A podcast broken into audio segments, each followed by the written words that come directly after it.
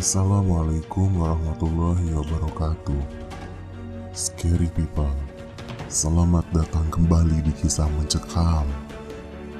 Ini adalah acara yang menceritakan berbagai kisah seram Yang dialami nyata oleh scary people.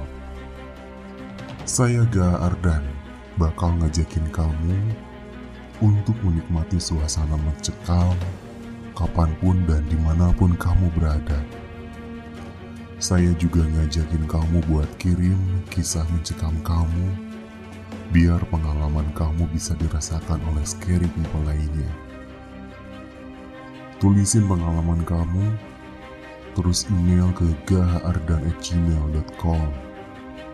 Kisah mencekam kali ini ngingetin kamu buat hati-hati kalau kamu lagi bercermin. Apalagi bercermin sendiri ketika malam-malam. Tapi saya ingetin kamu buat subscribe dulu YouTube Gaha Ardan. Selamat menikmati Scary People. Ingat, kamu gak sendirian.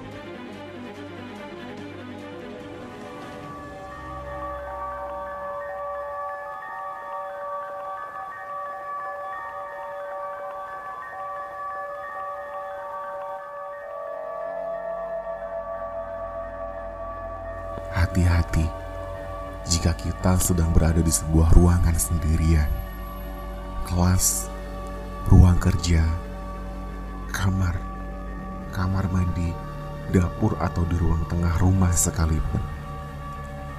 Terlebih jika di ruangan itu ada sebuah cermin. Namaku Anggara. Kejadian ini membuatku sangat trauma untuk melihat bayanganku sendiri di cermin terlebih ketika aku sedang berada di rumah sendirian. Peristiwa mistis ini terjadi sekitar dua bulan yang lalu. Aku tinggal di sebuah rumah sederhana di daerah Cibabat, kota Cimahi. Karena aku anak bungsu dan satu-satunya lagi belum berkeluarga, maka aku tinggal di rumah itu bertiga. Aku, papa, dan ibu. Aku harus tinggal dan hidup mandiri ketika kedua orang tuaku pergi ke tanah suci untuk umroh. Selama kurang lebih 10 hari, aku harus mengerjakan semuanya dengan tanganku sendiri. Aktivitasku sebagai wartawan membuatku jarang sekali pulang ke rumah. Setiap harinya, aku sering menginap di kantor atau di tempat kos teman. Tapi suatu hari, Aku pulang ke rumah karena sudah lima hari aku tinggalkan dan kangen juga sama suasana rumah. Sepulang memburu berita, aku menghentikan mesin motorku di halaman rumahku. Air mataku tak terasa jatuh. Merindu ayah dan ibu yang biasanya menyambutku dengan hangat di depan pintu. Tapi suasana haru itu berubah ketika tersadar bahwa lampu di luar rumah mati. Aku memeriksa keadaan lampu itu dengan cahaya dari handphoneku. Dan ternyata lampu itu memang sudah tidak layak lagi. Tadinya aku hendak pergi ke warung untuk sekedar membeli lampu. Aku melihat jam di tangan ternyata waktu menunjukkan jam 11 malam. Aku pikir, mana ada warung yang masih buka jam segini. Biarpun ada, mungkin letaknya jauh. Lagian, aku sudah lelah dan ingin cepat-cepat istirahat. Akhirnya aku memutuskan untuk membiarkan luar rumahku gelap tanpa cahaya lampu. Biar besok pagi saja aku ganti dengan lampu yang baru. Aku segera membuka pintu dengan sedikit merasakan sesuatu yang membuat bulu kuduku berdiri. Suasana tengah rumah yang sangat sepi TV, dan alat-alat elektronik yang sengaja aku matikan membuat suasananya semakin tidak seperti biasanya. Aku pun mulai melangkahkan kaki ke dalam rumah, meskipun perasaan aneh masih melandaku. Kursi ruang depan aku duduki untuk membuka kaos kaki sambil sesekali menengok ke arah lain di rumah ini. Buat apa aku takut? Kataku sambil tersenyum angkuh untuk mengusir rasa takut itu. Sengaja aku nyalakan TV di ruang keluarga untuk sekedar meramaikan suasana rumah. Aku berjalan ke arah kamar mandi sambil menyalakan lampu-lampu besar. Aku segera cuci muka dan segera berwudu untuk melaksanakan sholat isya. Selesai dari kamar mandi, aku membuka pintu dan aku sangat kaget melihat ruangan dapur juga lampunya padam.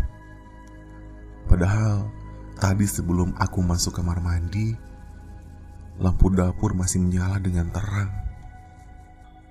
Aku meninggalkan kamar mandi menuju kamarku. Melewati ruang keluarga dan aneh. TV yang aku nyalakan tadi kenapa sekarang mati? Padahal tidak ada orang di rumah ini selain aku mengendalikan remote TV.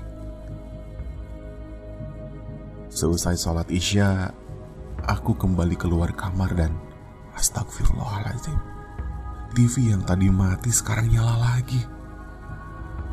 Ada apa ini sebenarnya? Aku menghampiri ruang keluarga untuk sekedar bersantai di depan TV meskipun sedikit rasa takut.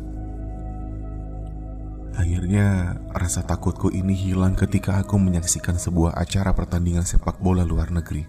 Aku pun lupa dengan kejadian-kejadian aneh yang aku alami barusan. Ah, karena aku merasa ada jerawat di wajah, aku berniat untuk bercermin. Tepat di sebelah kanan meja telepon, ada sebuah cermin berukuran besar yang menempel di dinding sehingga aku dapat melihat bayanganku dengan sangat jelas. Aku menghampiri dan berdiri tepat di depan cermin untuk sekedar melihat keadaan wajahku. Oh iya, pantesan gak nyaman. Ada jerawat ternyata. Aku mengusap pipi dengan tanganku, merapikan rambutku, dan sesekali aku tersenyum melihat wajahku sendiri. Ketika aku berhenti tersenyum, bayangan wajahku di cermin masih tetap tersenyum. Bahkan senyumnya semakin mengerikan. Senyumnya lebar dan matanya merah melototiku. Aku heran kenapa bayanganku di cermin seperti itu. Karena takut, dengan kaku kulangkahkan kaki ke belakang. Pandanganku tetap terpaku dengan bayanganku yang aneh di cermin itu. Darahku semakin deras mengalir dalam tubuh. Jantungku berdetak semakin kencang ketika aku melihat bayangan diriku di dalam cermin. Ternyata kini bukan aku melainkan sesosok perempuan berbaju putih, lusuh dengan rambutnya yang panjang terurai ke tanah. Senyumnya yang semakin lebar, terus menggeleng-gelengkan kepalanya sambil memandangiku dengan mata yang sangat besar. Dalam ketakutanku, tiba-tiba telepon rumah berdering dan aku segera memalingkan perhatianku dari cermin itu. Dengan tergesa-gesa, Ku angkat telepon tadi dan dalam telepon itu terdengar suara perempuan dengan rintihan yang sangat mengerikan. Dan dia mengucapkan Assalamualaikum.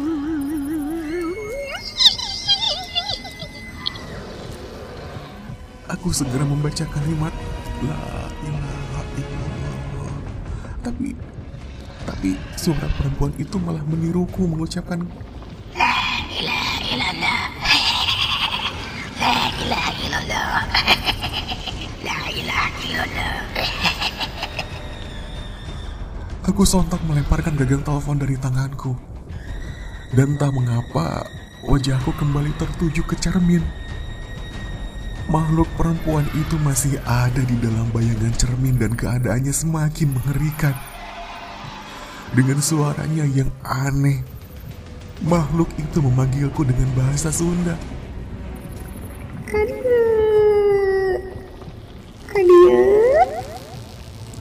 Sambil sesekali melambaikan tangannya yang lemas, aku segera lari keluar rumah.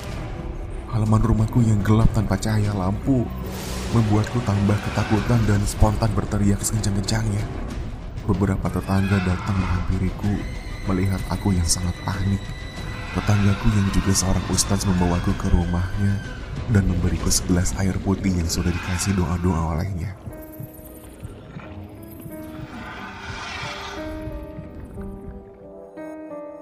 Singkat cerita, aku menceritakan kepada ibuku tentang apa yang aku alami pada saat itu. Ibu pun sedikit marah karena sebelum pergi, ibu sempat berpesan padaku, "Jangan kosongkan rumah selama lebih dari tiga hari. Meskipun pergi, lampu luar dan dalam harus tetap dinyalakan." Karena kata ibu, jika rumah ditinggalkan pemiliknya selama beberapa hari tanpa cahaya lampu, makhluk-makhluk halus akan betah tinggal di rumah yang ditinggali pemiliknya. Aku menyesal meninggalkan rumah dan membiarkannya gelap selama lima hari. Dan sampai saat ini, aku tidak pernah mau melihat bayanganku di dalam cermin ketika aku sedang berada di suatu ruangan sendiri. Karena sampai saat ini juga, aku sering mendengar cerita teman-temanku yang mengalami kejadian yang sama ketika dia hendak bercermin di suatu ruangan sendirian.